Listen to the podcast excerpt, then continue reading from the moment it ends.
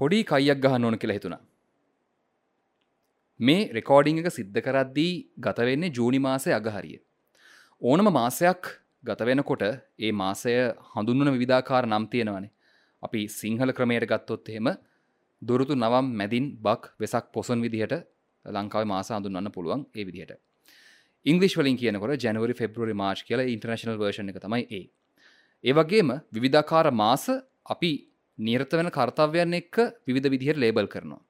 අපි සැප්තැම්බර් මාසට කියනවා පොත් සාහිත්‍ය මාසය කියලා. ඊට පස්සේ ඔක්තෝබර් මාස කියවීම මාසය වෙනවා. දෙසැම්බර් නත්තල් මාස වෙනවා. තකොට මැයි මාසේ වෙසක් මාස වෙනවා.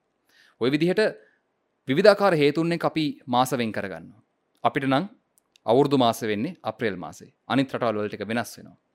ඒ විදිහට ජූනි මාසටත් විවිධාකාර නම් තියෙනවා.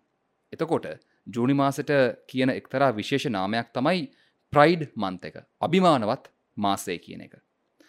මාසයක් ගැන අභිමානයක් කෙන්නේ ඇයි. මොකක්ද හේතුව මාසයක් ගැන විශේෂයෙන් අභිමානයක් ඇතිවෙන්න. එකට හේතුවක් තියෙනවා. එක තමයි ජූනි මාසය තමයි විවිධ වූ ලිංගිකත්වයන් ඇති පිරිස් සමරන්න සංකේතාත්මකව යොදාගෙන තියෙන මාසය.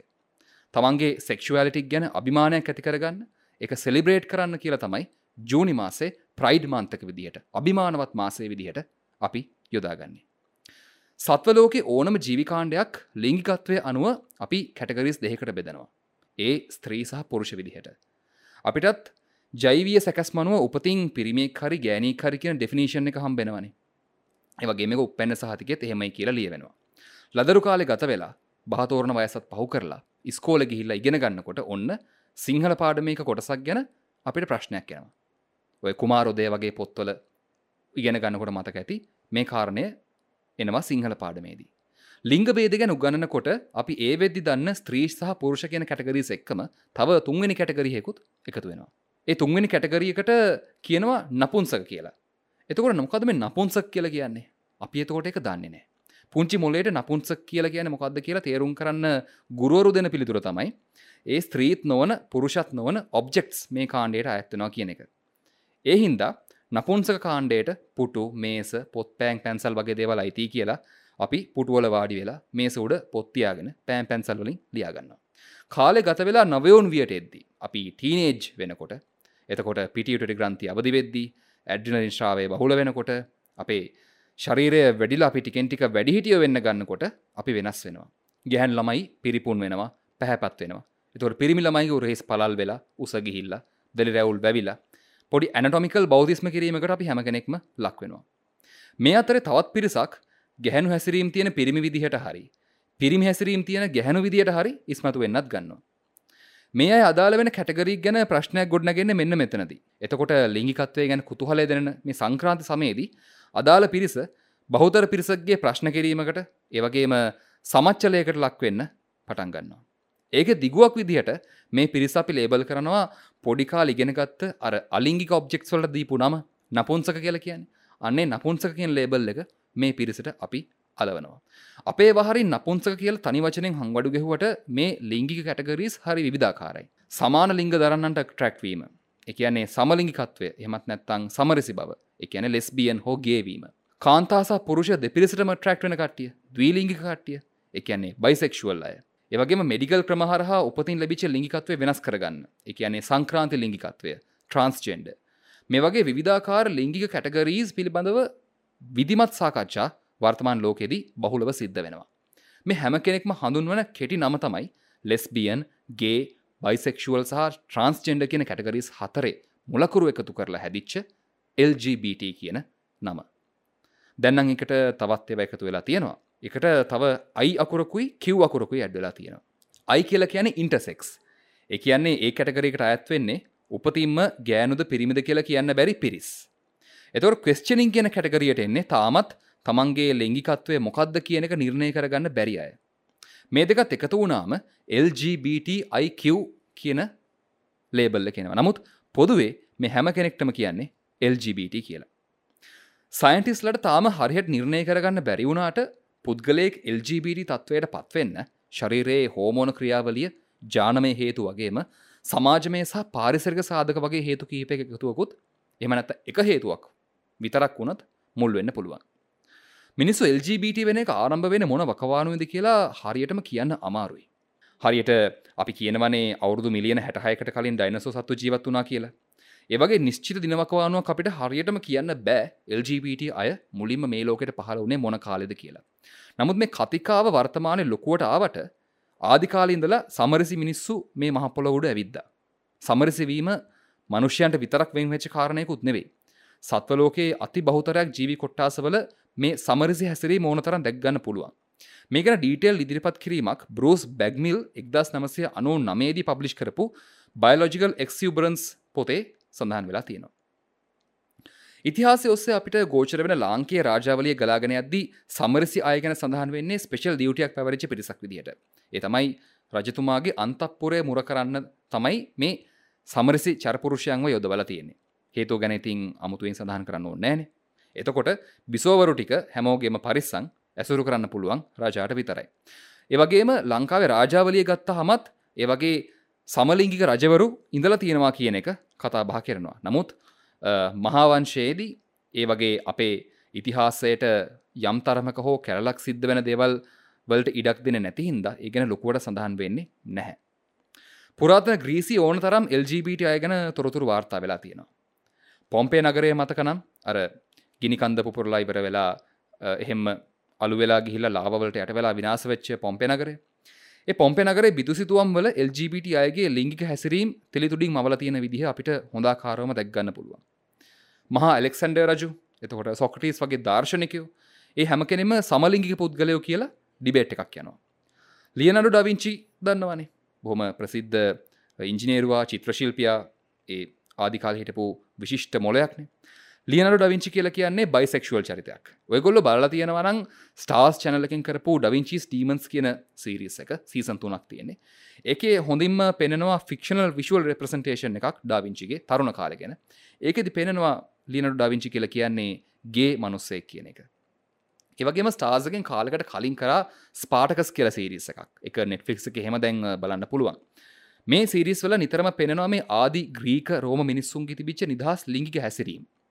ඒවා එතන්ට ඒගොල්ලෝ නිකන් හීනෙන් පෙන්ල දාපු දේවල් නෙවෙයි. සාධක ඔප්පු වෙච්ච සිදි තමයි මේ ලිංගික හැසිරීම්. ඒව තමයි මේ පලොට්වලට එකතු කරලා තියෙන ඉතිං ආදි රෝම ක්‍රීක ස්ටෝරිස් වල තියෙන මේ නිදහස් ලිංගිකත්වයට අපි නොදැනීම ආසක්ත වෙනවා. එදෙවල් බලන්න සමහරට සිරිස් බල්ල තියෙනවනම් ඔයගොලන්ට මතක ඇති ඇත්තන පොඩි කැමැත්තක් අපිට අපේ හිත ඇති වෙනවා. නමුත් පස්සේ කාලෙක විධ ආගමික බලපෑම් එක්ක සමරසිවීම ස්වභාවධර්මයට පටහැන ක්‍රියාවක් විදිර සලකපු හින්ද සමහර අවස්ථාවලද ඒ අයව මරලදාන්න ඒවගේ සමහර ශිෂ්ඨාචාරවලින් ඒව නිරපාහරන්න පෙළමිලා තියෙනවා. ඒ හේතුව නිසා ප්‍රසිද්ධිය තමන්ගේ ස්වභාව පිළිබඳ හඬනගන්න LGBT අයට අවස්ථාවක් හම්බ වෙන නෑ.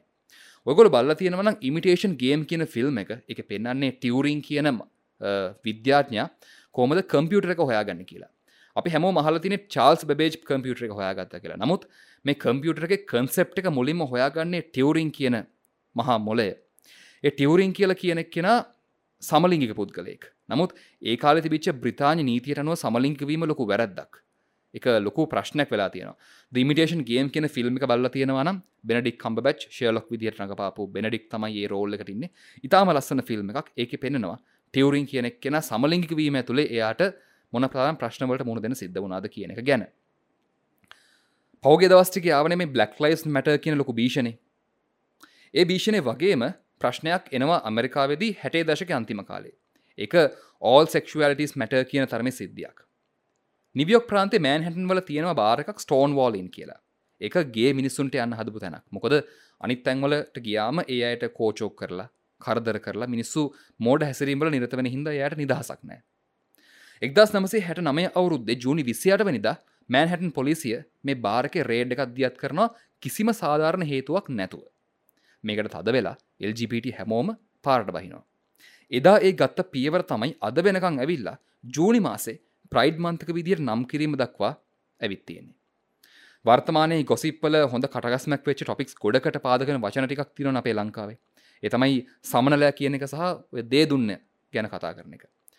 සමරසි පුද්ගලයන්ව හඳුන්වන්න පටු ඒවගේම ලාබාල මානසිකත්වයක් තියෙන මිනිස්සු සමන් ලැකින වචන යොදාගන්නේ ඔය සම කියන වචන බේස් කරගෙන හදාගත්ත දෙයක් හින්දා. එවුනාට අපි ඒ අමතක් කරලා දේදුන්න කියන සිම්බල් එක් ගත්තොත්. දේදුන්න තමයි ජාත්‍යන්තර භාවිතය තියෙන සමරසි සිම්බල් එක. හැම පාටක්ම එකතු වුණාම වයිවර්ණ වුණාම ගොඩක් විචිත්‍රයි. ගොඩක් හැඩයි. එකම පාටක් විතරක් තියෙද්දී බෝරිං. ඒ වගේ හැමාකාරයකම සෙක්ෂුවල්ටිස් තියෙද්දි මේ ලෝකය හරිම ලස්සනයි. ඒ අර්ථ ඉස්මතු වෙන්න තමයි දේ දුන්න LGBT සිම්බල් එකක් වෙන්නේ. LGBT වෙන එක වැරැද්දක්ද. එයගේ මතයට මේ සමාජ ඉඩක් නැද්ද. එය මේ සමාජකරම ඇතුළ ජීවත් වෙන්න හොඳ නැද්ද. මේ කොන්වසේෂනක දැන් කාලාන්තරයක් තිස්සේ සිද්ධ වෙනවා.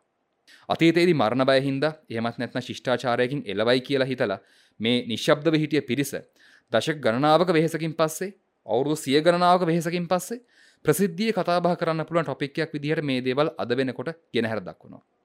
අතීතේ වෙස්ටර් මිනිස්සු සමරසි පිරිස් ඝාතනය කරද්දී පෙරදිග ශිෂ්ඨාචාර මේ ලංකාවේ ආදි සිංහල ශිෂ්ඨාචාර වගේ ඒ අයත් එක්ක එකම සමාජයක වාසය කළා. වර්තමාන විදි වෙලා තියෙන්නේ වෙස්ටර්න් මිනිස්සු ඒ අයගේ අයිතීන්ට ඉඩක් දෙනකොට මේ පෙරදිග රටවල් ඒ අයව කොන් කරන්න පෙළඹිලා තියෙනවා. ලංකාව තුළත් LGBT අය ඉතා හොඳ වයිට්ටක් වෙන්න අපි හොඳාකාරවම දන්න විධාකාර හේතු තියෙනවා. විශේෂම පොලිටික්ස් ගත්තාම එක්තර පක්ෂයක් ගැන මේ සමලිගික් කතන්ගතරේ ලොකුවට මෙනවා මොකද ඒ පක්ෂය ඉන්න දන්න කියන දැවන්ත චරිත කිහිපදනෙක්ම සමරසිහින්ද. ඒවගේම කලා නිර්මාණ ගත්තාහමත් LGBT අයව නිතරම යොදාගන්න ජෝක එකක් විදිහට. මතක ඇති නිතරම අපි ඔය බල්ල තින ෆිල්ම් සොලහෙම ජෝකර් විදිහට ගන්න සමරසි පුද්ගලයෙක් සමලිංගික පුද්ගලයෙක් එයා තමයි සැරින් සැරට ඇවිල්ල පොඩි කොමඩි ඇක්ට uh, එක කොමික් රිලි් එක ඕනම නිර්මාණකට දෙන්නේ. මෑත කාල ගත්තොත්ෙම ටික්ටොක් වගේ සෝෂල් මීඩිය පටෆෝර්මයකින් කතාබහට ලක්වෙච සමහරගේ හැසිරීම රටාවලින් ඒ අය බලාපොරොත්තු වෙච්ච වෛරල්වීම ඒගොලු ගන්න ඇති නමුත් පොදුවේ LGBT අයට ලොකු වැරදි ඩෙෆිනිශන එකක් යන්න මේ අයගේ හැසිරීම් හේතු වෙලා තියෙනවා. එක ලොකු ප්‍රශ්නයක්. අපි ආදර ඩිෆයින් කරන්න කොහොමද. හදවත් දෙක අතරේ ගොඩනගෙන හැඟීම් ගණදනුව කරහා සිද්ධ වෙන සම්බන්ධයක් තමයි අපි ආදරය කියලා පෙන්නල දෙන්නේ. එතකොට ආදරය කියල කියන්නේ කෙනෙකා ගැන සමාන සෙනෙහසක් ලෙංගතුකමක් බැඳීමක් තියෙන හදවත් දෙක එකතුවීමක්. නමුත් අපිට පුළුවන්දේ ආදරණීය හදවත් දෙක ලිංග බේතයට ලගු කරන්න. දෙහද ආදරය අතරේ අපි අපිට මාදරය කරනෙක් ගැන මනුෂ්‍යත්වයට ආදරය කරන ගැන අපි කතාබහ කරන්න ඕන. මේ ස්වභාධර්මය ඇතුළේ ඇටලේ මස්නහර තියෙන ඕනම ජීවියෙක්ට ජීවත්ව අයිතියක් තිනවා වගේම ශිෂ්ඨාචාරගත සමාජ ක්‍රමය ඇතුළෙත් බැරදි නොකරන හැම මනුස්සෙක්ටම ජීවත් වෙන අයිතියක් හිමියෙනවා. තමන්ගේ සෙක්ෂුවල් ප්‍රෙෆරන්ස එක පර්සනල් කාරණයක්. නමුත් LGBT අයටත් මේ සමාජ සියලු පුරවසියන්ට ලැබෙන සමතැන හිමියෙන් ඕන තමන්ගේ ලිංගිකත්වය ප්‍රශ්නයක් නොවී.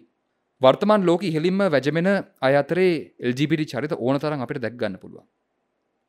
CNN එකන ෆේමස් ජර්නලිස්ට් ඇන්ඩසන් කූප එතකොට හැමෝ මාදරය කරන ටෝක්ෂෝ හෝස්ට එලන්ඩි ජෙනරස් සැක්‍රිෆයි සිින්දුව කියපු ස එල්ටන් ජෝන් බික් බැං තීර බල්ල තියෙනන බික් බැං තියරකේ ශෙල්ලන් කූප විදිහට ඉන්න ජිම් පාසන්ස් එක්මෙන් එකේ මැගනීටෝ විදිහට ඉන්න ලෝඩ රිංස්ගේ ගැන්ඩල් විදිහට ඉන්න ස ඉයන් මැකලන් එතකොට උන් දෝස් ත්‍රේස් කෙන සිින්දුවෙන් ලෝකෙම ෆේමස් වෙච්ච රිකීමාටින් ප්‍රිසන් බ්‍රේක්ගේ මයිකල් ස්කෝෆිල් විදිහට ෆේමස් වෙච්ච වෙන්ටුවත් මිල ටයිලයිට ෆිල්ම්සල බෙලාස් වෝන් විදිහිටපු ක්‍රිස්ටියන් ස්ටුවට් කොටින්ම සෝබනත්ව සංකේත වෙච්ච Apple කම්පිනිගේ වත්මන් ප්‍රධානය ටිම් කුක් පවා LGBT මිනිස්සු. වේව් පොත දැකල තියෙනවාද? වේව් පොත කියවල තියෙනවාද? වේව කිය නවල්ල කරගෙන කියවන්න. ඒ පොත හරිම ලස්සන නව කතාවක්. ලංකාවේ ඕනම බුක්ෂප් එක ගන්න තිනවා ඒ වේව් පොත ලිව්වේ ආචාරය සොනාලි ධරණී කළ සොනාල් ධර්ණී කළ මැරි කරලා ඉන්නේ හැරි පොට ෆිල්ම්ස් වල හැරිගේ නැන්ද විදිහටන්න ආන්ට පෙටුනියගේ රෝල්ලකට පනපෝපු නිලිය ෆියෝන ශෝ කියලයකළ දන්නවද? බැලිවරත් සොනල් ධර්ණී කළ ඩොක්ට ලංකාව හිටියන එයට ගොඩක් කට්ටිය පහර දෙවී. නමුත් එය මැරිකරලින් අප පොඩිකාල්ද ආදර කරපු චරිතකට පනපෝපු නිලියක්හින්ද සමහරට කට්ටිය බයින් නැතුවත් තිඳීවි මම කිව ෆේමස් LGBT කට්ටියකින් ඉතාම සුළු පිරිසක් ගැන විතරයි. ඒ අය සාර්ථක ජීවිත ගත කලාට ගොඩක් පෙරදිග රටවල් වල වැඩපලේදී ඔෆිස්සකේදී ඒවගේ බොහොම පොඩි තැන්වල ඉඳලා පොලිටික්ස් දක්වා මේ පිරිස නිරන්තරයෙන් දෝෂදර්ශනයට විහිලුවට කැපිල්ලට ලක්වෙනවා. මිනිස්සුන්ගේ ටැලන්ස් ඇටිටියුඩ්ස් අපට ලිංගික රුචිකත්වය මයින්න බෑ. ඒක ඒයගේ ජීවිත එක්තර පැතිකඩක් විතරයි. ඒගේ සමස්ත පුද්ගලයක හංගොඩු ගහනක දියුන් ලෝක පිළිගන නෑ. මේට්‍රික්ස් බල්ල තියෙනවානේ මේට්‍රික්ස් හදපු වැකෝසි බ්‍රදස්ල දැන් ට්‍රන්ස්ජෙන්ඩ වෙලාඉන්නේ දැන්ඒ දෙන්න කාන්තාව. එහෙම කියලා අපි ඉස්සරහට එන්න තියෙන මේට්‍රික්ස් ෆෝ රිලිස් වෙච්ච දවසට එක බලන්නතුයි නෑනේ එලන් ලෙස්බියන් කියලා අපි එලන් ෂෝක බලන්නතු ඉන්නෙත් නෑනේ ටීම්කුක් හෝමසෙක්ෂුවල් මනුස්සේ කියලා අපි Apple ප්‍රඩක්ස් වලට ජෝ කරනවාද එහෙම කරන්නෙත් නෑනේ මගේ අතිජාති යාලෝ ඉන්නවා LGBT අය. ඕන තරම්. ඒ අයගේ සෙක්ෂුවල් ප්‍රෆරන්ස එක මගේ මිත්‍රත්වයට කවදත් බාධාක් වෙලා නෑ ඒ අය අපි වගේමයි කියන අවබෝධ කරගත්ත දවසට LGBT අයක ඉන්ටවිය් කරන එක ට්‍රෙන්ඩිං මජික් එකක් නොවිච්ච දවසට ලංකාව අපි අඩි ගීපයක් ඉස්සරහට යාවී. මේ කතන්දරේ කියන මගේත් ඔබේත් ලිංගිකත්වය ප්‍රශ්න කරන්න නෙවෙයි මම මේ කතාව කියන්නේ. ලිංගිකත්වය පිළිබඳ අපිට තියෙන ඇටිටියුඩ්ස් ටික අපි ප්‍රශ්න කරන්න ඕන. දේදුන්නේ පාට හතම එකතු වෙලා තනි ආලෝකයක් හැදෙනවා වගේ. අපි හැම කෙනෙම එකතු වුණොත් තමයි මේ ලෝකේ ආලෝකමත් වෙන්නේ. මේ ප්‍රයිඩ් මන්ත් කියන සිම්බල් එකෙන් තමන් ගැන අභිමානයක් ඇති කරගන්න. මිනිසත් කමට ආදරය කරන්න ඕන කියන මෙසේජ් එක යවන්න. හදවත් ගනුදෙනුවට වටිනාකමක් දෙන්න. පුළුල් මනසකින් ලෝකෙ දකින්න. සුවඳ හමන මල්වල රොන් බොන්න සමනලුන්ටයි මීමැස්සන්ටයි බමරුන්ටයි හැම කෙනෙක්ටම තියෙන්නේ එකම අයිතියක්. තවත් දවසක මුණ ගැහෙමු?